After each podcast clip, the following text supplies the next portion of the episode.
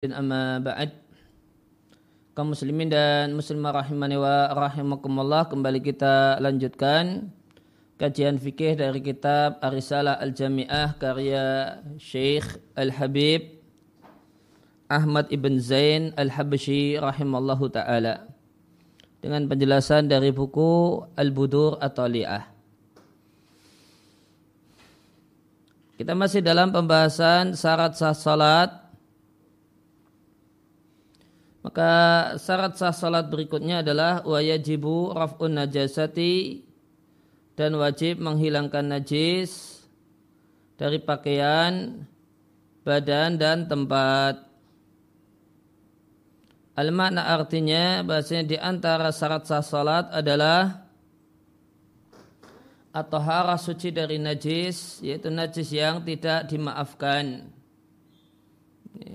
pada badan, pada pakaian, badan dan tempat. Likauli Nabi sallallahu alaihi wasallam karena sabda Nabi sallallahu alaihi wasallam kepada Fatimah binti Abi Hubaish Faida akbalatil akbalatil haidatu maka jika haid itu datang tinggal kalah salat wa idza adbarat dan jika dia pergi maka bersihkan dari dirimu darah dan kerjakanlah salat. Diatkan oleh Al-Bukhari dan Muslim. Dan ini redaksi Muslim. Dan semisal dengan pakaian adalah apa yang dibawa oleh orang yang salat. Termasuk badan adalah bagian dalam mata bagian dalam mulut dan bagian dalam hidung di catatan kaki dua, demikian juga bagian dalam telinga. Dan yang dimaksud dengan tempat adalah yang bertemu dengan badannya orang yang sholat atau yang bertemu dengan apa yang dibawa oleh orang yang sholat. Kemudian berikutnya adalah wajib atas orang yang mampu untuk sholat fardu qaiman sambil berdiri. Al makna artinya bahasanya di antara syarat sahnya salat adalah berdiri untuk salat fardu bagi yang waj, bagi yang mampu berdiri. Likauli Nabi sallallahu alaihi wasallam karena sabda Nabi sallallahu alaihi wasallam kepada Imran ibn Husain radhiyallahu anhu salli qa'ima. Kerjakanlah salat sambil berdiri jika engkau tidak mampu sambil duduk jika engkau tidak mampu ala jambin berbaring. Ada catatan kaki tiga. Ya, maka berdiri dalam salat fardu alal qadiri bagi yang mampu. Walau bimu'inin meskipun dengan adanya orang yang membantu. Walau bi ujratin meskipun yang membantu itu harus diberi upah.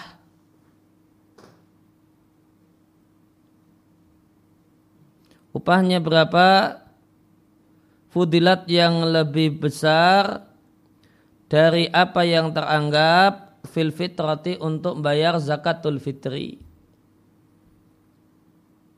Ini jadi anggap aja al-fitrah atau pembayaran zakatul fitri itu dua setengah kilo. Maka meskipun upah untuk membantu supaya bisa sholat sambil berdiri itu lebih dari dua setengah kilogram beras. Atau dengan tongkat yang dia mampu berdiri alaiha dengan bertumpu dengan tongkat. Kembali ke atas dan bihun catatan. Berdiri itu sebenarnya salah satu rukun sholat, bukan syarat sholat. Oleh karena itu Syekh Al-Jawi mengatakan, boleh jadi hikmah disebutkannya berdiri di sini, dan tidak disebutkan dalam rukun sholat, ma'annahu padahal berdiri turukun dalam salat fardu. Anahu bahasanya berdiri itu sebelum niat. Wataharumi dan sebelum takbiratul ihram. Fiha dalam salat. Itu syarton syarat. Wa rukniyatuhu sedangkan sisi berdiri sisi rukun dari berdiri innama hiya hanyalah ma'ahuma bersama niat dan takbiratul ihram dan setelah niat dan takbiratul ihram. Maka kenapa diletakkan di syarat? Karena menimbang bahasanya berdiri itu sebelum takbiratul ihram dan sebelum ya, niat yang berbarengan dengan takbiratul ihram, maka kalau menimbang sisi ini berdiri itu syarat. Dan kalau menimbang bahasanya e, berdiri diperlukan pada saat takbiratul ihram ya, dan niat demikian juga setelah keduanya maka berdiri ini adalah rukun.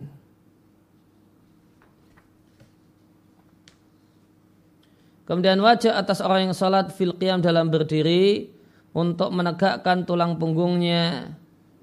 Jika tidak mampu demikian, koma berdiri kaifa amkanahu bagaimana yang memungkinkan baginya.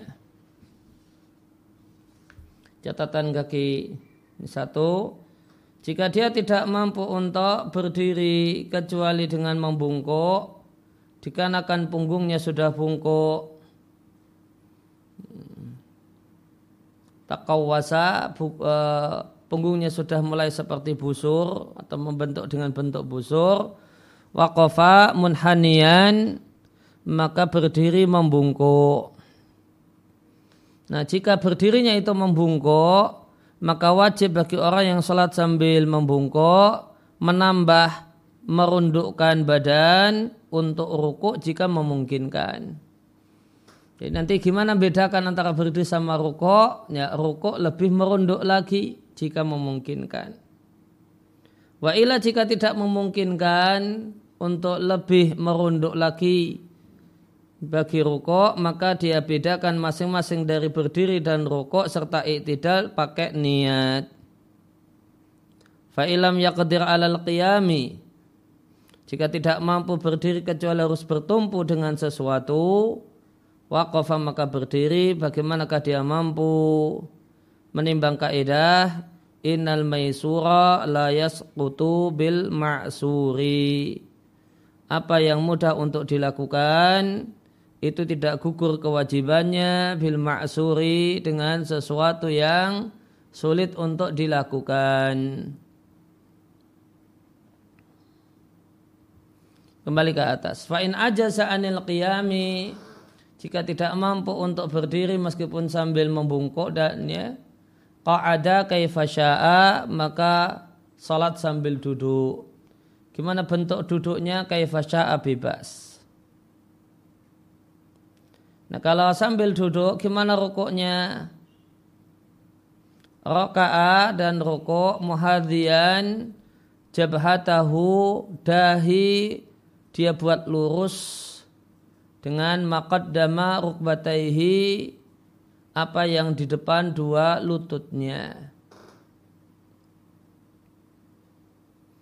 Wal afdal bahkan yang lebih baik manakala dahi tersebut lurus dengan tempat sujudnya.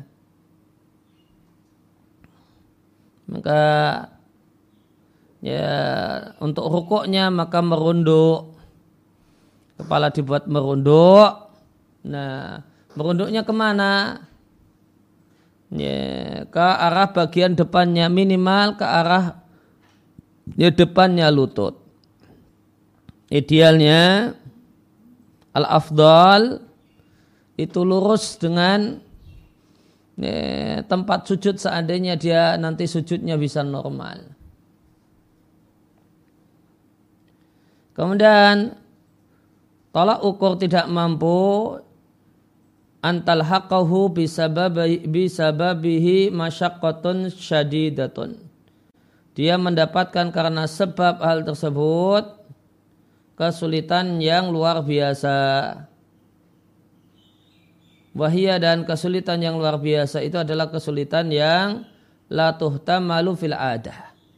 Menurut hukum kebiasaan orang itu tidak mampu semacam berputarnya kepala, pusingnya kepala orang yang menaiki perahu. Ya, seandainya dia eh, salat sambil berdiri di perahu, maka kepalanya pusing sekali maka ini masyaqqah syadidah. Kesulitan yang besar yang la tuhtamalu tidak tuhtamal. Tidaklah seorang mampu memikulnya menurut hukum kebiasaan. Fain aja anil qu'udu jika tidak mampu salat sambil duduk, salat sambil berbaring ala jambihi di salah satu sisi badannya. Dan yang terbaik berbaring dengan ala jambil aiman sisi badan yang kanan artinya kepala di utara kaki di selatan bahkan di catatan kaki disampaikan makroh ini bertumpu pada sisi badan yang kiri tanpa udur. Ini makruh hukumnya sholat sambil berbaring kepala di selatan kaki di utara.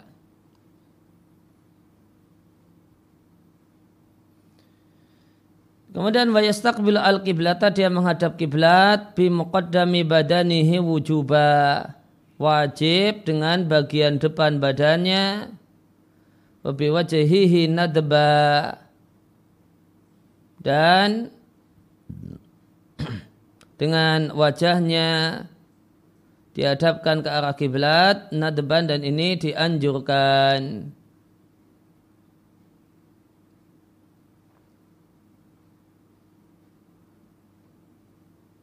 Kemudian jika tidak mampu sholat sambil berbaring, sholat sambil terlentang ala zahrihi pada punggung. Wajibu dan perhatikan wajibu dan wajib dia tinggikan kepalanya sedikit bisain dengan bersandar pada bertumpu dengan sesuatu ini satu alat yang dengan alat tersebut dia bisa menghadapkan wajah ke arah kiblat. Maka jika tidak memungkinkan at-tawajjuh menghadap ke arah kiblat bih dengannya, maka wajib bi akhmi saihi. Maka wajib dihadapkan ke arah kiblat dengan ya, lekuk uh, telapak kakinya. Akhmas itu adalah catatan di catatan kaki madakhola apa yang masuk apa yang masuk di sini artinya cekung dari bagian dalam telapak kaki karena dakhala karena cekung maka seandainya jalan atau berdiri menapak lam yus lam yusibil arda tidak menyentuh tanah.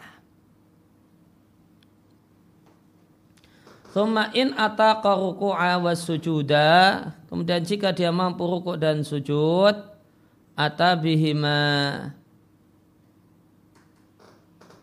atabihima Maka maka dia kerjakan rukuk secara normal dan sujud secara normal.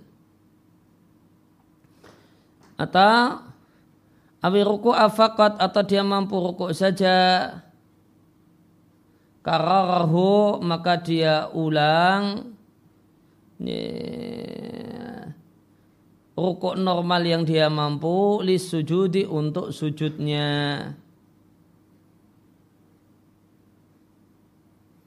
Ya, maka orang yang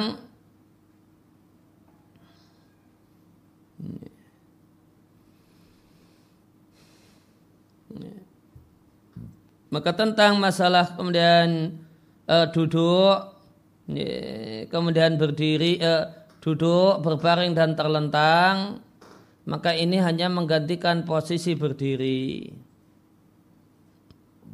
Gimana kalau untuk rukuk dan sujud? Ya kerjakan rukuk dan sujud secara normal. Gimana kalau bisa rukuk secara normal namun tidak bisa sujud secara normal? Maka disampaikan di sini ya, maka bentuk sujudnya adalah seperti ruku. Maka bentuk sujudnya adalah dengan gerakan ruku. Dengan catatan di catatan kaki empat disampaikan wazadalahu qalila dan ditambahi sedikit lebih ke dalam lebih merunduk lagi sedikit. Ditambah sedikit ala akmali ruku'i lebih dari rukuk yang sempurna in amkana jika memungkinkan supaya dia terbedakan dari rukuk. Jika tidak memungkinkan. Lam yalzamhu. Tidaklah wajib baginya. Ja'lu aqali ruku ilahu. Menjadikan minimal ruku untuk ruku dan sempurna nya ruko untuk sujud.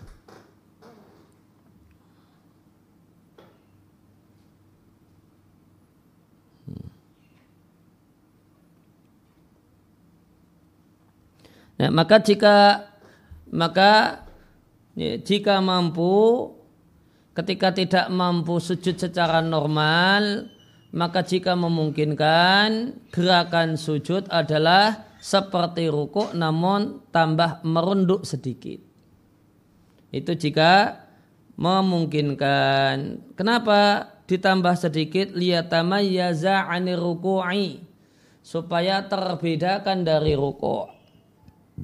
Jika tidak mampu untuk membedakan ya, ruko dengan sujud semuanya persis cuma seperti ruko maka ada pembahasan. Ya, nampaknya mungkin ada ulama yang membedakan antara minimal rukuk dengan sempurnanya rukuk. Hmm.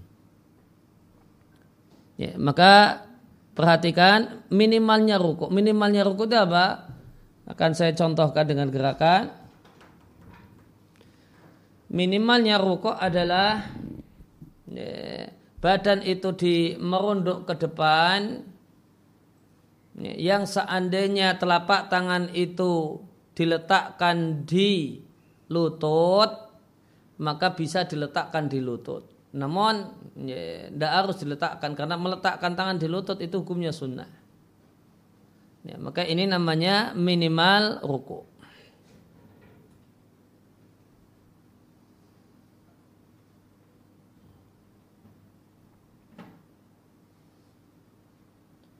Nah, eh, minimal minimal ruko badan merunduk. Kira-kira kalau telapak tangan itu ditempelkan di lutut, maka dia bisa nempel ke lutut. Saya coba. Nah, segini ini saya bisa meraih tangan saya di lutut. Nah, ini minimal rukuk. Kemudian tadi ada istilah akmaluhu sempurnanya ruku. Nah, kalau sempurnanya ruku ini adalah ruku ideal. Ini ruku ini ruku ideal. Ya, pengunjung upayakan untuk lurus sebagaimana yang secara umum sudah biasa kita praktekkan, itu namanya ruku ideal.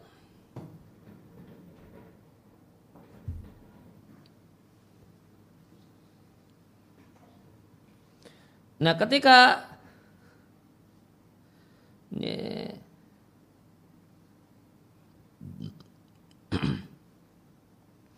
ketika tidak mampu untuk membuat agar ruku itu berbeda dengan sujud, ini, maka di sini disampaikan, ini, nampaknya ada ulama yang membedakan antara minimal ruku dan maksimal atau sempurnanya ruku Nanti kemudian uh, minimalnya ruko itu untuk ruko, kemudian sempurnanya ruko itu untuk sujud. Nampaknya ada yang membedakan demikian dan dicatatkan kaki ditegaskan bahwasanya pembedaan demikian tidak wajib. Ini disampaikan lam yalzamhu tidaklah wajib baginya menjadikan minimal ruku untuk ruku dan sempurnanya ruku untuk sujud.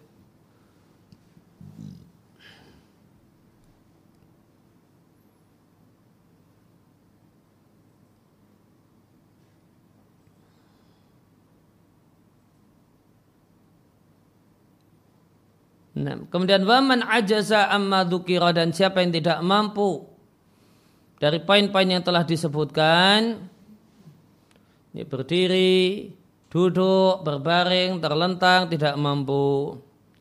Wajib alihi maka wajib baginya berisyarat dengan kepala untuk rukuk dan sujud. Wajibu dan wajib isyaratnya untuk sujud lebih rendah daripada isyarat untuk rukuk. Jika tidak mampu berisyarat dengan kepala, maka auma'a isyarat bitarfihi dengan mata. Wain ajaza andalik jika tidak mampu dari itu semua, isyarat dengan mata juga tidak mampu. Ajra arkana salati ala qalbihi. Maka dia lewatkan, dia bayangkan rukun-rukun salat di hatinya. Walai ada ta'ali dan sholatnya tidak perlu diulang ketika sudah bisa sholat secara sehat dan normal. Catatan kaki. Ajral ahkamal fi'liyata ala qalbihi. Dia bayangkan rukun-rukun perbuatan pada hatinya. Wakada kauliyata. Demikian juga dia bayangkan rukun ucapan. Ini taqala lisanuhu jika lidahnya itu tertahan sehingga tidak bisa mengucapkan dan membaca rukun-rukun ucapan. Kemudian walatas kutu dan tidaklah gugur kewajiban sholat anhu dari seorang muslim selama akalnya itu ada.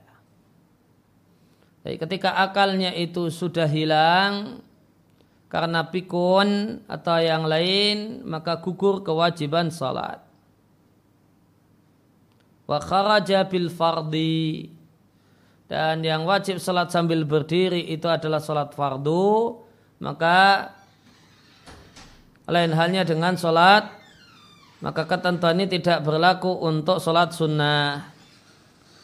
Fa innal qiyama fihi mandubun berdiri dalam salat sunnah hukumnya sunnah maka boleh meskipun mampu berdiri sholat sunnah sambil duduk bahkan sambil berbaring namun tidak boleh sambil terlentang akan tapi jika memilih sholat sunnah sambil duduk padahal sebenarnya sehat bisa berdiri maka pahala orang yang sholat sambil duduk setengah pahala orang yang berdiri jika dia sebenarnya mampu untuk berdiri. Wadhalika dan hal tersebut karena sabda Nabi Shallallahu Alaihi Wasallam, Man salaka iman fawa afdalu. Siapa yang salat sambil berdiri itulah yang lebih baik. Siapa yang salat sambil duduk untuknya setengah pahala yang berdiri dan siapa yang salat sambil berbaring atau tiduran maka untuknya setengah pahala salat sambil duduk. Diatkan Al-Bukhari uh, Imam Nawawi rahimahullah taala mengatakan di catatan kaki tiga wal hadisu dan hadis ini warada berkenaan dengan firman orang yang sholat sunnah sambil duduk atau sambil berdiri atau sambil berbaring min kudratihi alal qiyami padahal dia mampu untuk berdiri.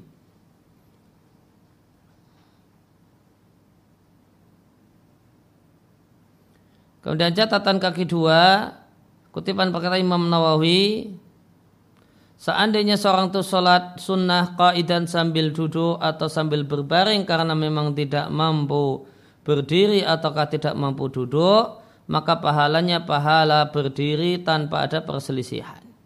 Sama seperti sholat fardu sambil duduk atau sambil berbaring lil ajzi karena tidak mampu.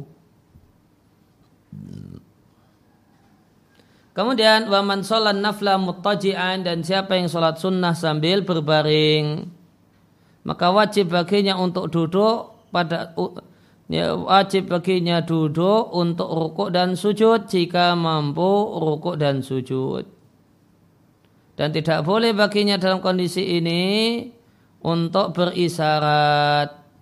Isarat untuk rukuk dan sujud tidak boleh. Ini untuk siapa? Salat mutajian berbaring.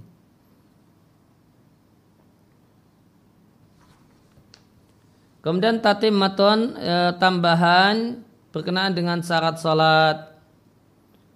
Ya, maka di antara syarat sah salat aidan juga adalah toharah dari hadas kecil dan besar dengan air atau dengan debu.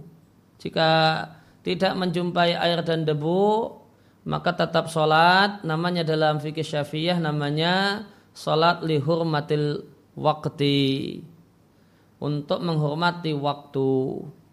Ya, jika tidak ada air, tidak ada debu, maka tetap sholat tanpa toharah. Toharah fakidain, e, fakidu toharatain. Orang yang tidak bisa toharah dengan air dan dengan debu, maka dia sholat lihurmatil waktu untuk menghormati waktu. Nanti setelah ketemu debu atau air, ada sholatnya diulangi. Kemudian ketentuan yang lain tidak musalli orang yang sholat tidak meyakini fardun muayyanan min furudiha satu salat fardu ya, satu uh, satu aktivitas yang hukumnya fardu yang wajib muayyan tertentu dari hal-hal yang wajib dalam salat tidak boleh diyakini hukumnya sunnah. Semisal yang tidak boleh meyakini kalau membaca Al-Fatihah cuma sunnah atau rukuk itu cuma sunnah. Ada rincian yang lebih detail di catatan kaki. Amma taqada seandainya meyakini bahasanya semua yang diperintahkan dalam sholat itu hukumnya wajib atau sebagiannya wajib, sebagiannya sunnah. Walam yaksud dan dia tidak maksudkan dengan wajib adalah dia tidak maksudkan dengan gerakan wajib tertentu asuniyah anggapan hukumnya sunnah. Maka sholatnya sah jika dia adalah orang awam Wakata demikian juga seandainya dia adalah orang yang berilmu menurut Ibnu Hajar yang diselisih oleh Ar-Ramli untuk orang yang berilmu. Ar-Ramli mengatakan untuk orang yang berilmu, labudah haruslah orang yang berilmu membedakan mana yang fardu dalam sholat dan mana yang sunnah dalam sholat. Atau meyakini bahasanya semua gerakan sholat itu fardu. Nah apa definisi alim dan ami? Di sini ada ya, ditegaskan alim huna berilmu di sini artinya orang yang istaghala bil ilmi zamanan menyibukkan diri dengan ilmu agama di satu waktu tak tadi al adatu yang menurut hukum adat kebiasaan dia bisa mampu untuk membedakan mana yang fardu dan mana yang sunnah karena belajarnya sudah cukup lama sedangkan yang namanya ami orang awam adalah bikhilafihi yang tidak sesuai dengan hal itu. Kembali ke atas, demikian juga di antara syarat sah salat adalah mengetahui kewajibannya.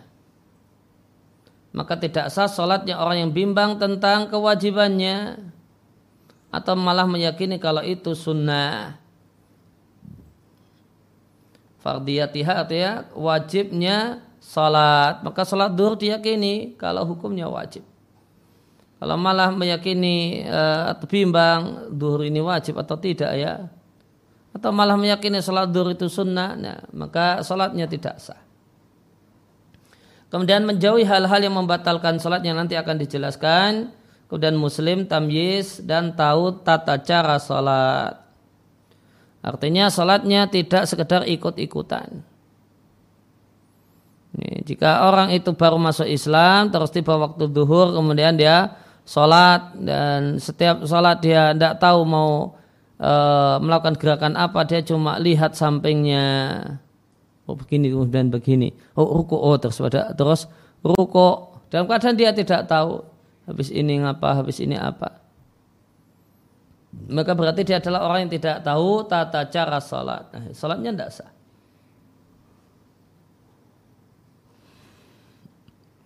Kemudian kita masuk fasal baru.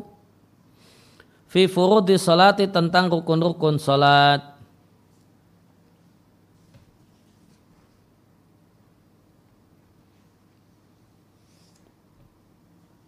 Wa furudu salati dan rukun salat furud jamak dari fardin dan dia secara bahasa artinya memotong dan at-taqdir menentukan ukuran.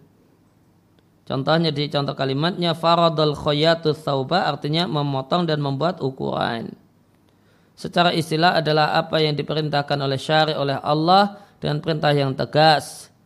Ini hukmuhu ini derivatnya mendapatkan pelakunya mendapatkan pahala dan orang yang meninggalkannya mendapatkan hukuman. Dan yang sinonim dengan kata-kata fardu dari sisi pengertian istilah adalah rukun dan wajib.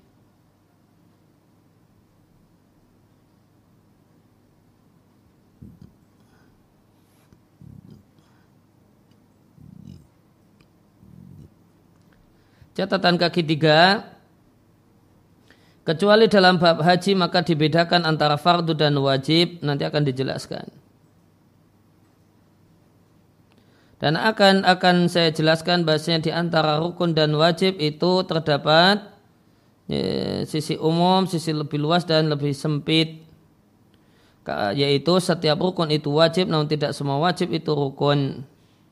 Di anal wajib karena wajib kot layakunu ruknan itu boleh jadi tidak menjadi rukun karena dia menjadi syarat.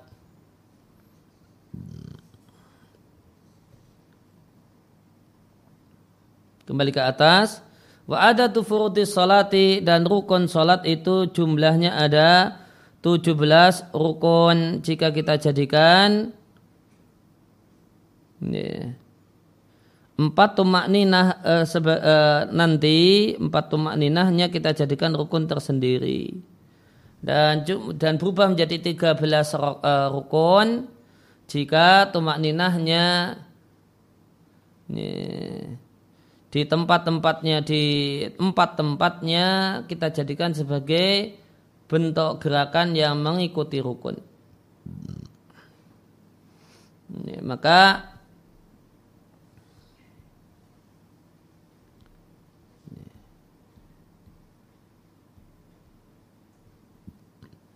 jumlah rukun salat itu 13 manakala tumaninahnya kita jadikan satu paket. Misalnya apa eh, ruko dan tumaninah dalam ruko iktidal dan tumaninah dalam iktidal dan dan seterusnya.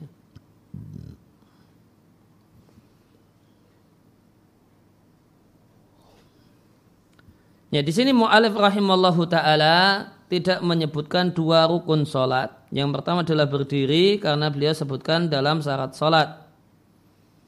Dan telah lewat pembicaraan tentang ketentuan untuk berdiri hunaka di sana. Kemudian yang kedua belas adalah tartib urut. Wakat dzakar mu'alifu dan mu'alif telah menyebutkan wujub wajib tertib sebagian rukun solat. Eh, namun sebelumnya ada catatan kaki empat yang ingin kita bacakan. Tumak ninah yang empat itu maksudnya tumak ninah ketika ruku' tumak ninah ketika iktidal, tumak ninah ketika sujud, dan tumak ninah ketika duduk di antara dua sujud.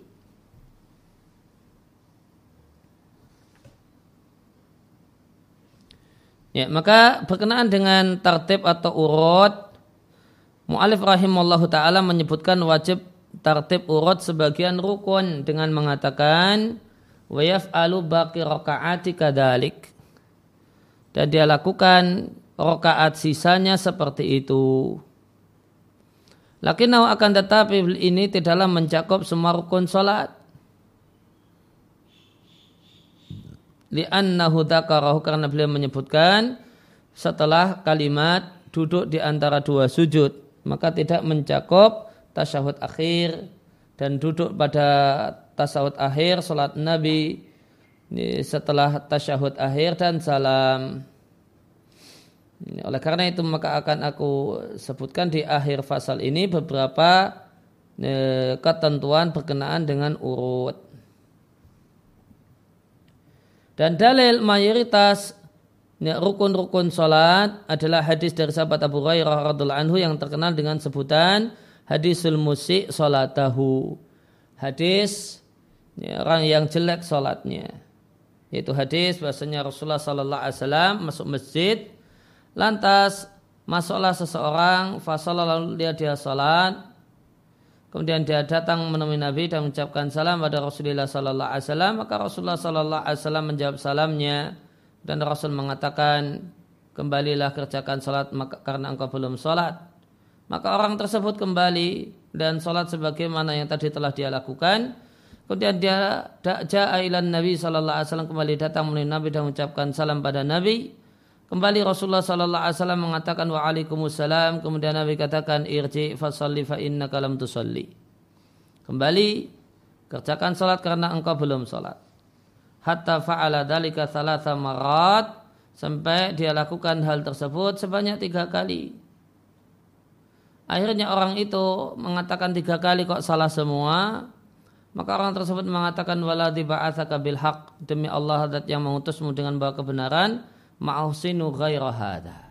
Saya tidak bisa melakukan yang lebih baik selain ini. Alimni, tolong ajari aku. Nah ini adabnya orang yang tidak tahu adabnya orang yang bodoh mengakui kebodohan saya tidak bisa lebih baik saya tidak bisa melakukannya tolong ajari aku. Maka Nabi mengatakan jika engkau berdiri untuk sholat bacalah takbir kemudian bacalah eh, ayat-ayat Al-Quran yang mudah bagimu kemudian rukuk sehingga tenang dalam keadaan rukuk kemudian bangkit eh, angkat kepalamu sehingga eh, hatta ta'tadila qa'ima eh, tegak berdiri kemudian sujud sampai tenang dalam keadaan posisi sujud, kemudian angkat kepala sehingga tenang dalam keadaan duduk, kemudian lakukan dalika hal tersebut dalam semua sholatmu. Kemudian ya, maka furudus salati yang di, yang dibahas yang pertama adalah niat. Al-makna artinya di antara rukun salat adalah niat dan niat itu wajib muqarinatan bergandengan dengan takbiratul ihram. Dan detailnya niat itu beda-beda tergantung sholatnya. Maka jika sholat itu sholat fardu, maka yang wajib tiga poin dalam niat. Itu sengaja melakukannya, kemudian ditentukan sholatnya apa, plus niat kalau itu fardu. Sehingga tiga poin ini Contohnya dikumpulkan dalam kalimat usalli fardhu zuhuri. Aku salat fardu zuhur atau usalli adzuhra fardon. Ini memenuhi tiga kriteria. Sengaja untuk melakukannya usalli ta'yinuha duhur kemudian niat fardiyah fardon. Kemudian yang kedua jika salat itu adalah salat sunnah muakotan yang memiliki waktu semacam witir, uh, salat rawatib, idul fitri, idul adha, salat duha, atau memiliki sebab tertentu semacam gerhana, matahari dan rembulan dan minta hujan, maka isi niat itu wajib dua poin. Yang pertama adalah niat melakukannya, kemudian menentukannya supaya terbedakan dari yang lainnya. Watamyizuha yahsulu dan pembedaan itu terwujud imma boleh jadi dengan yang populer. Semacam duha niat salat duha. Wa imma bil idofati boleh jadi dengan disandarkan kepada sesuatu yang menentukannya. Sunnah duhur qabliyah atau sunnah duhur ba'diyah. Maka tidak cukup kalau cuma sunnah duhur fakat saja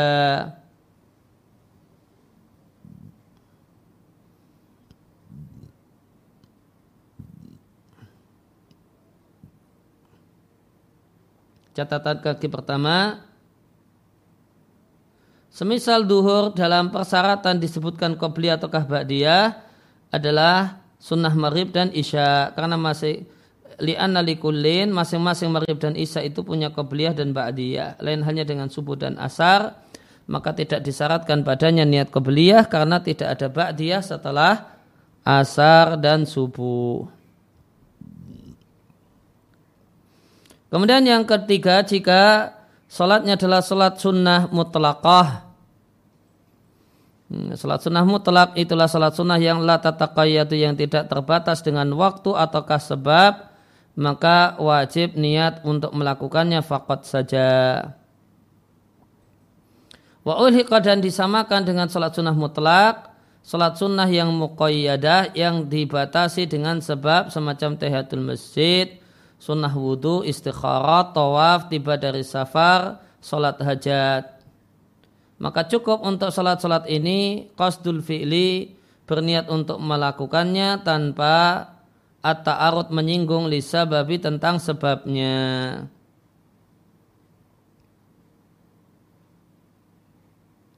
Catatan kaki tiga, li'anal maksudu minha, karena yang jadi maksud untuk salat-salat di atas, tahiyatul masjid, sunnah wudhu, istikharah, dan yang lainnya, karena yang jadi maksud adalah ijadu mutlaqi salati. Yang penting ada salat.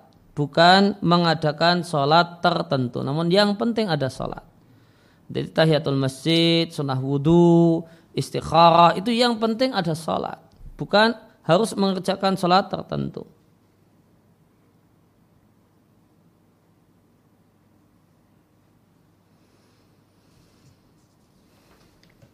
Nah, kemudian selanjutnya adalah rukun selanjutnya adalah takbiratul ihram ma'an niyati berbarengan dengan niat.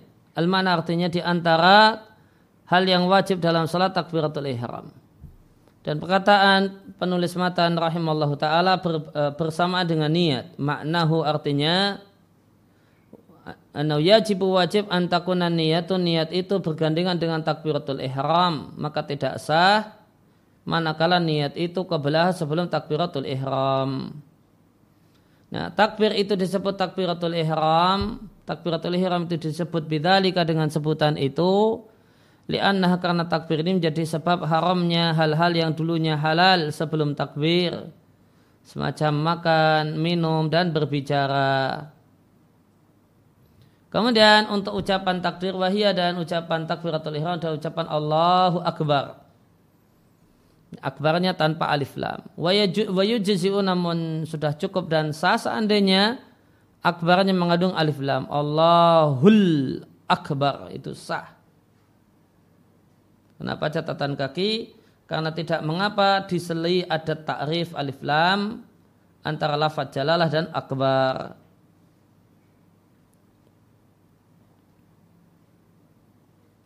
Tapi kalau selanya itu terlalu misalnya bi khilafi lain. Hanya kalau uh, kalimatnya Allahu huwa akbar. Fayadur maka bermasalah. Maka tidak sah sebagai bacaan takbiratul ihram.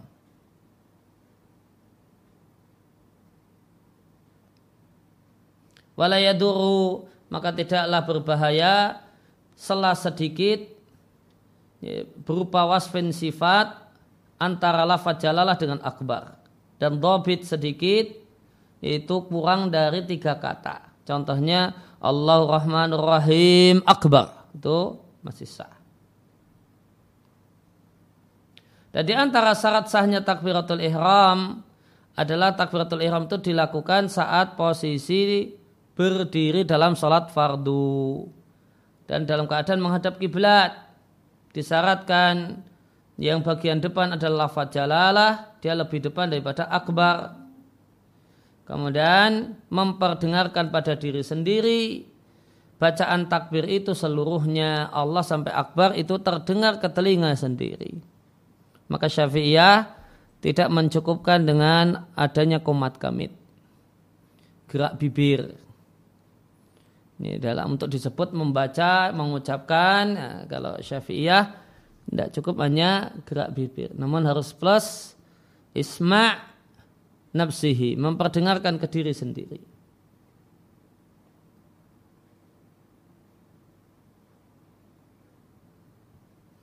Kemudian selanjutnya adalah membaca Al-Fatihah dengan basmalah dan tasdidnya yang ada 14 tasdid.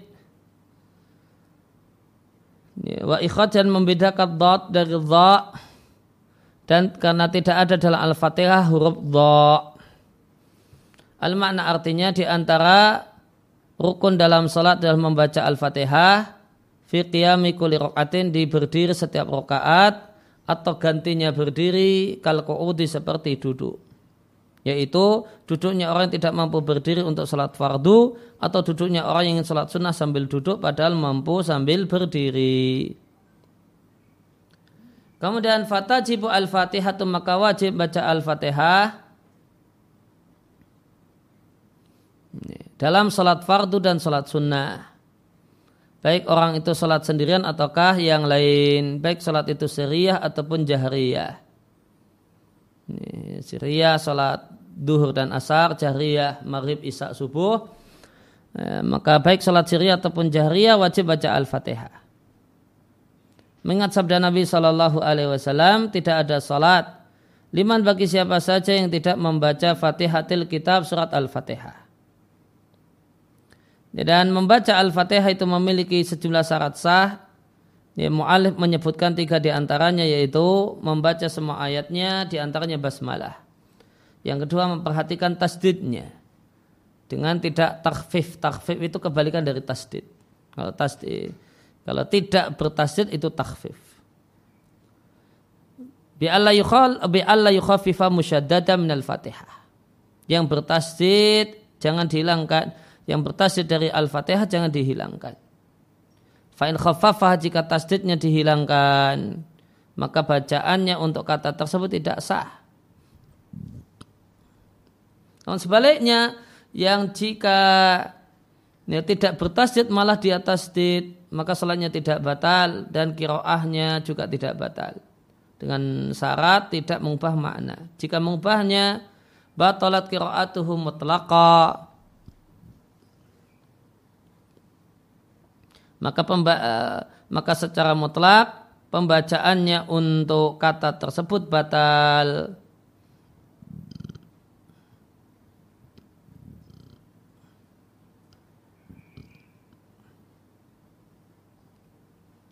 Maka kiroahnya batal, demikian juga sholatu sholatnya batal jika dia tahu dan sengaja. Kemudian yang ketiga, memperhatikan huruf-hurufnya semacam memisahkan dot dari dha menurut pendapat yang paling kuat maka tidak sah bagi yang mampu. Atau orang yang coba dalam belajar mengganti dot botnya al-fatihah dengan dha. Tidak pula mengganti satupun huruf dari al-fatihah birairihi dengan huruf yang lain.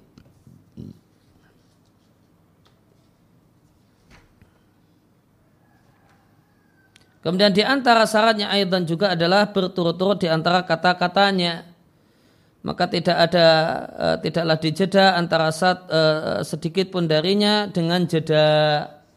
Meskipun itu berupa zikir atau ya, meskipun berupa zikir jedanya tidak boleh wa in meskipun sebentar.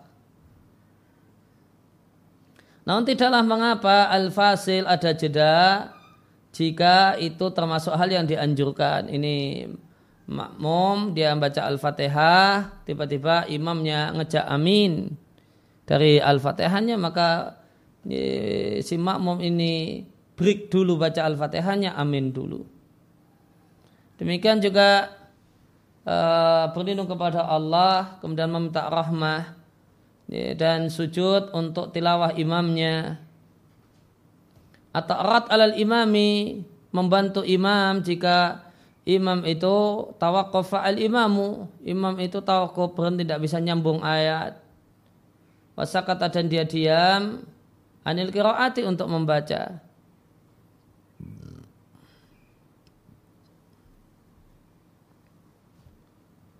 maka jika imam tawakuf tidak bisa lanjut dan cuma diam maka makmum bisa melakukan rat, melakukan perbaikan. Dan surat Al-Fatihah itu tangkotiu dianggap putus dengan berdi, eh, dengan diam yang lama jika sengaja.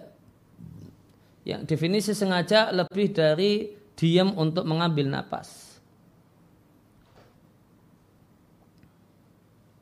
Watangkotiu dan terputus dengan diam yang pendek in bihi jika memang ada niatan untuk memotong bacaan.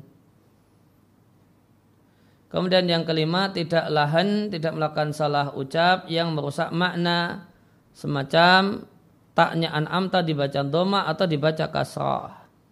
Kemudian harus dibaca dalam keadaan berdiri untuk salat fardu jika mampu. Kemudian syarat yang ketujuh, perhatikan ayus mi'anab sahu al kiraata. Bacaannya itu dia perdengarkan pada dirinya. Ini. Yaitu diperdengarkan ke telinganya, tidak hanya komat kamit, namun ada sesuatu yang terdengar pada telinga. Ya, kita sebelum lanjut kita break sebentar, satu atau dua menit.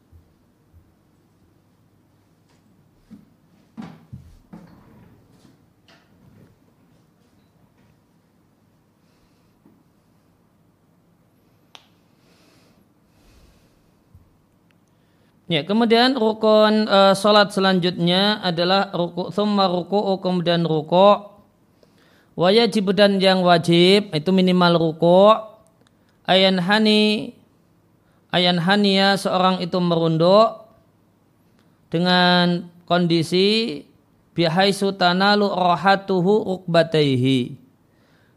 Dua rohahnya itu bisa menyentuh dua lututnya.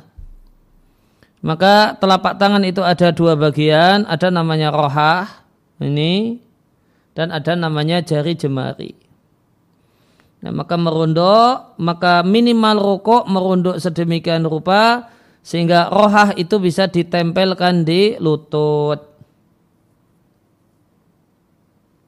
Wayatama'un wayatama'in fihi wujuba dan wajib tumaknina sehingga tenanglah anggota ini, anggota badan. Alman artinya di antara rukun salat adalah rukuk wa aqaluh dan minimal rukuk seorang yang salat itu merunduk bila inkhidas. Tanpa inkhidas bihaisu ya, tanpa menengadah ya, bihaisu tanalu yakinan di mana secara yakin dua rohah itu bisa menempel pada dua lutut.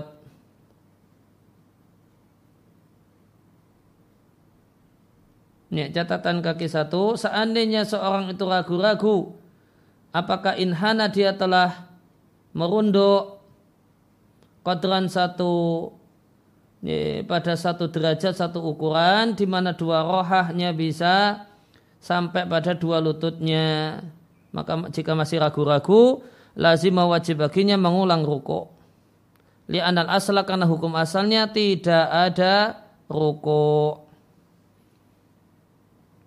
nah apa itu roha di catatan kaki dua yaitu ma'ada al-asabi minal kafaini.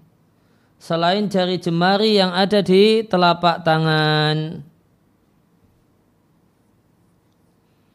Ini catatan kaki tiga, meletakkan dua rohah pada lutut itu bukan syarat sahnya rukuk. Namun dia adalah satu hal yang dianjurkan dalam rukuk. Ya, tadi syarat ruko itu tidak boleh inkhinas. Apa itu inkhinas? al inkhinasu ayu ta'ti'a ajizatahu ini uh, dia tundukkan pantatnya naik dan dia naikkan kepalanya dan dia busungkan dadanya. Falau fa'alahu maka dia melakukan hal ini yaitu al-inkhinas amidan aliman dalam keadaan sengaja dan tahu maka salatnya batal.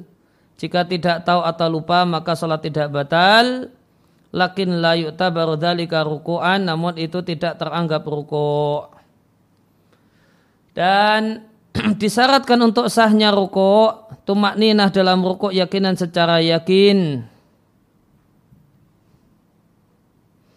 Ya, apa definisi tumak ninah di sini disampaikan bihaitsu yanfasilu di mana betul-betul terpisah.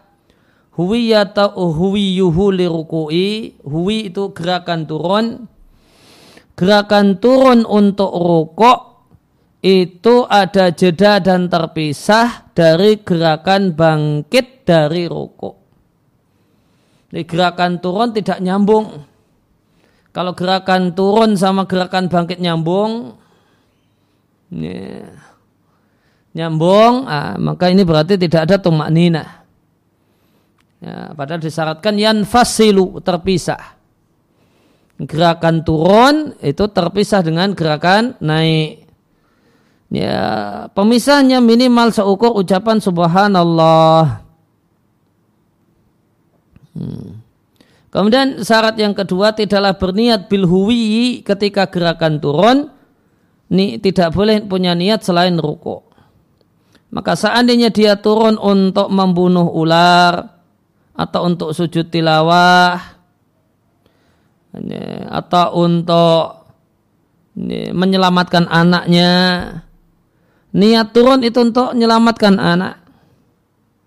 Faja'alahu maka lantas dia jadikan saat dia sampai hadar raqi ini standar orang yang rukuk dia jadikan dia niatkan sebagai rukuk. Lam yakfihi maka tidak cukup.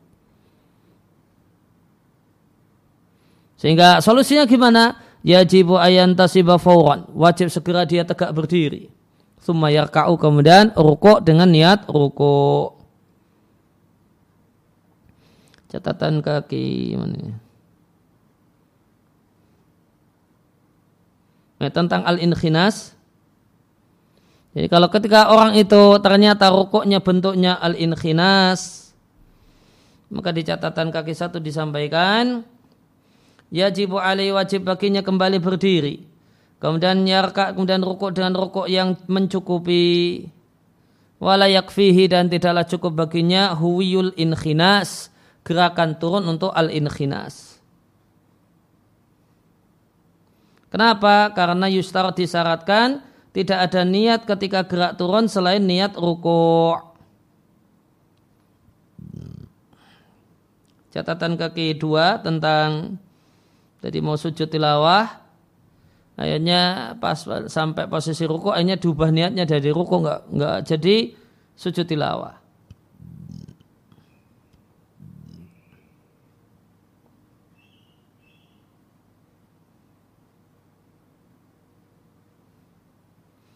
Rajah Az-Zarkasi yang dirojikan oleh Zarkasi bahasanya imam seandainya membaca ayat sajadah kemudian dia rukuk setelah membaca ayat sajadah. Nah makmumnya menyangka bahasanya uh, saya ulang imam membaca ini ayat sajadah kemudian rukuk setelah membaca tidak tidak tidak sujud namun rukuk namun makmum menyangka bahasanya annahu bahasanya imam qad hawa sujudi. Gerak turun untuk sujud. Falamma hawa sujudi ketika makmum itu berniat gerak turun untuk sujud ternyata dia lihat imamnya cuma rukuk. Fawaqafa maka dia tahan dirinya dari sujud. Kemudian dia langsung rukuk. Maka dalam kondisi ini ya, gerak turun tadi dinilai bagian dari ruku. Inilah pendapat yang mutamat menurut Aramli.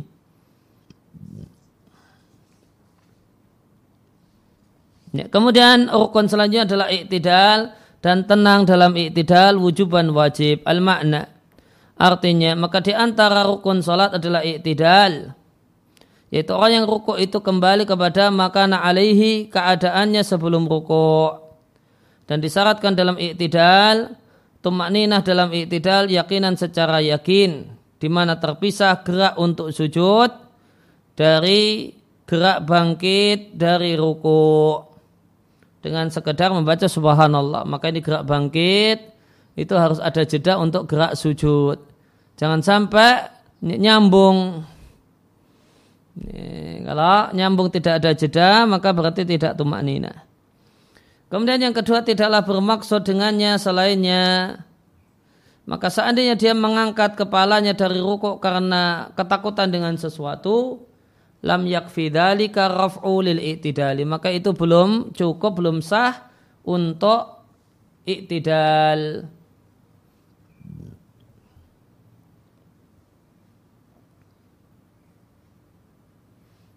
Kemudian yang ketiga, nah ini Eh, berkenaan dengan bahasa iktidal dalam pendapat yang muktamad dalam madhab adalah rukun pendek. Maka poin yang ketiga tidak memperlama iktidal lebih dari bacaan zikir yang disyariatkan saat, saat iktidal uh, qadr al-fatihati tidak kemudian dilamakan seukur membaca al-fatihah. Fa'in tawalahu seandainya dia lamakan lebih dari sekadar membaca Al-Fatihah dalam keadaan tahu dan sengaja sholatnya batal. Karena ini rukun pendek. Namun banyak dari ulama syafi'iyah punya ikhtiar pilihan pendapat pribadi yang mengatakan kalau itu rukun panjang. Walai berdasarkan hal ini maka memanjangkan iktidal tidak mengapa. Nah ini berlaku bahasanya iktidal itu jangan lama-lama itu fi, berlaku fi mahalin di selain tempat yang memang dituntut untuk berlama-lama semacam iktidal rokaat yang terakhir karena qatulibat tatwiluhu fil jumlati secara umum diperintahkan untuk dipanjangkan bil kunuti untuk kunut.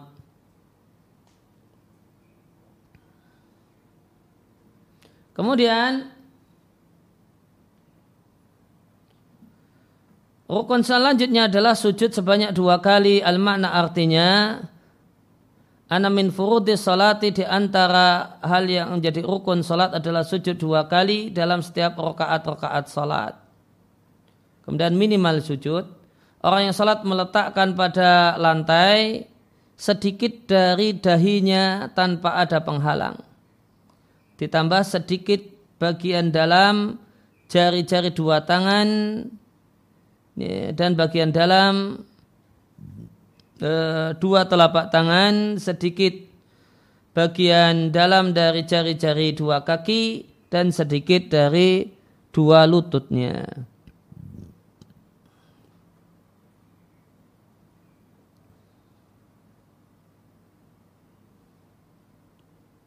Ya, maka di sini uh, disampaikan bahasanya sujud itu harus pakai minimal sujud, sahnya sujud harus memenuhi tujuh anggota, harus ya, lengkap tujuh anggota sujud itu semuanya mengambil peran.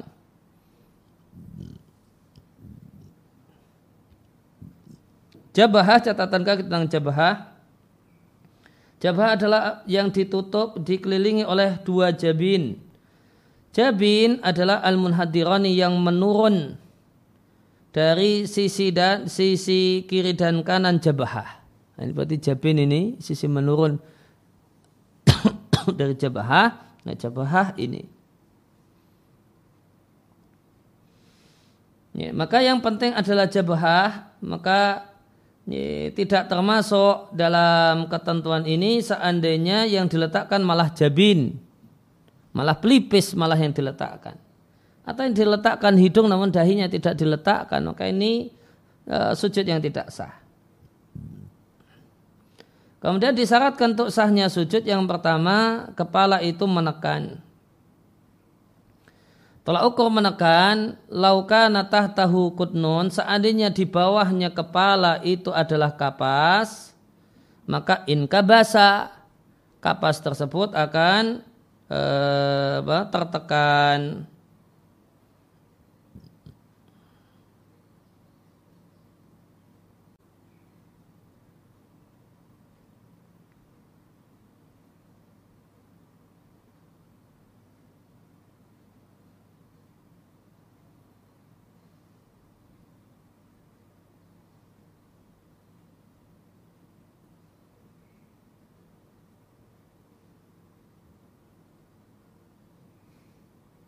katakan ya, e, tertekan masuk. Kemudian irtifa lebih tingginya bagian bawah badan daripada bagian atas. Yang dimaksud dengan asafil adalah al-ajizah, adalah pantat dan sekitarnya. Sedangkan al-aali bagian atas badan adalah kepala dan dua pundak. Nah. Sebelumnya ada catatan kaki dua tentang bagian dalam dua telapak tangan. Maka disampaikan untuk telapak tangan al-wajib yang wajib adalah meletakkan bagian dari jari-jari dua tangan. Wa imma atau meletakkan bagian dari bagian dalam dua telapak tangan. Kemudian yang ketiga adalah sujud dengan menggunakan uh, sujud dengan tujuh anggota sujud sebagaimana telah lewat di pembahasan tentang minimal sujud.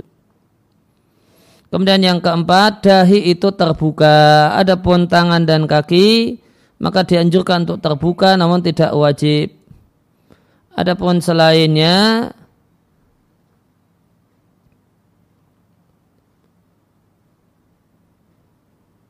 wa ma'ada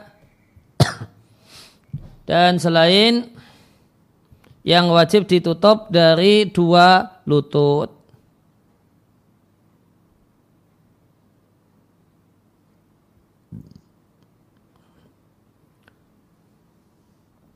Maka yang eh, melebihi dari apa yang wajib ditutup dari lutut, yukrohu kasfuhu, makroh jika dibuka catatan kaki ini berlaku untuk laki-laki tidak untuk perempuan wa ammahi adapun perempuan telah lewat pembicaraan tentang aurat perempuan riban baru saja di pembahasan tentang syarat salat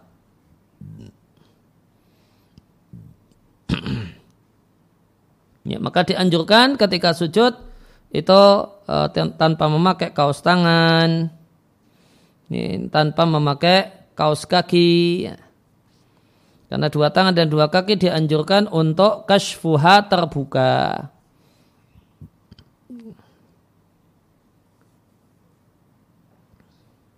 Kemudian yang kelima, tidak bersujud pada sesuatu sesuatu mahmulin yang dibawa olehnya yang bergerak dengan gerakan badannya. Dia pakai sorban, ekor sorban itu panjang. Yang kemudian atau cukup panjang. Kemudian ekor sorban diletakkan di tempat sujud untuk uh, untuk bersujud. Maka ini tidak boleh. Karena ekor sorban ini bergerak dengan bergeraknya orangnya. Orangnya berdiri maka ekor ini terangkat. Ya, sehingga berkenaan dengan uh, masalah sujud, maka jika seorang itu sujud dengan sesuatu sajadah atau karpet tidak apa-apa. Itu yang pertama. Kemudian yang kedua, jika dia sujud dengan satu barang yang barang ini bergerak dan berubah posisinya jika orangnya berubah. Contohnya ujung ya, ekor sorban. Nih. maka tidak boleh. Ini, sujud di uh, ala sujud seperti itu. Demikian juga manakala dahinya tertutup dengan sesuatu yang lainnya. Ini tertutup peci misalnya. Namun yang uh, namun ingat yang jadi syaratnya adalah minimal ada yang nempel. Jadi kalau tidak harus pecinya harus dinaikkan betul-betul tidak harus. Karena yang penting syai sedikit syai'an min jabhatihi, sedikit dari dahinya sudah kita baca dan kita kaji kesempatan pagi hari ini wasallallahu ala nabiyina Muhammadin wa ala alihi wasallam wa ruda'ana alhamdulillahi rabbil alamin. Ada pertanyaan?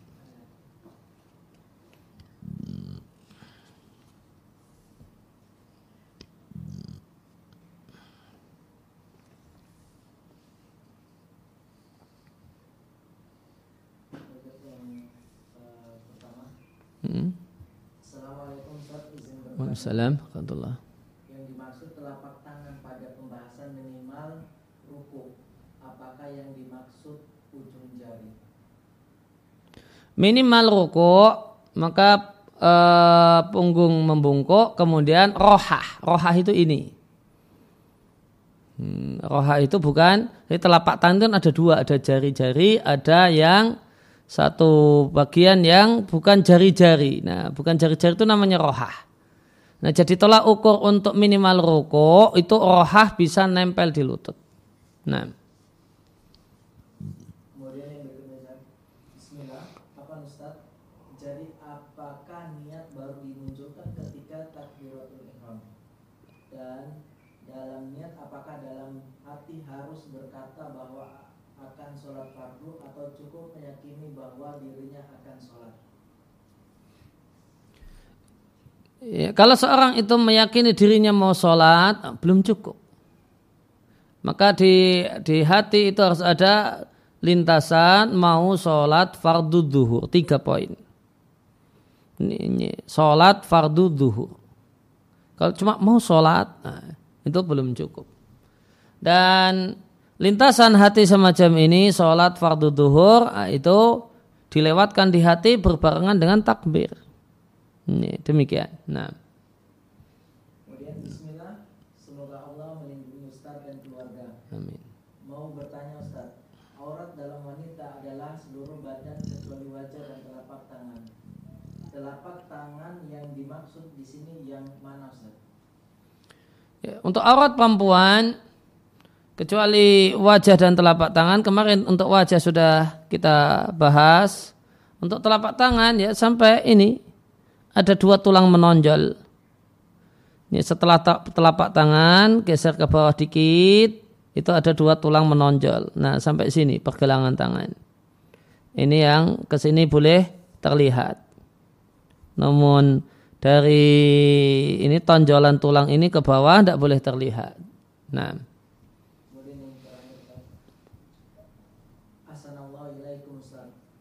Apa Ustaz di tengah masyarakat kita yang menganut madhab syafi'i bagaimana pandangan seorang laki-laki yang baik saat ada keperluan memandang lawan jenis seperti kepada tetangga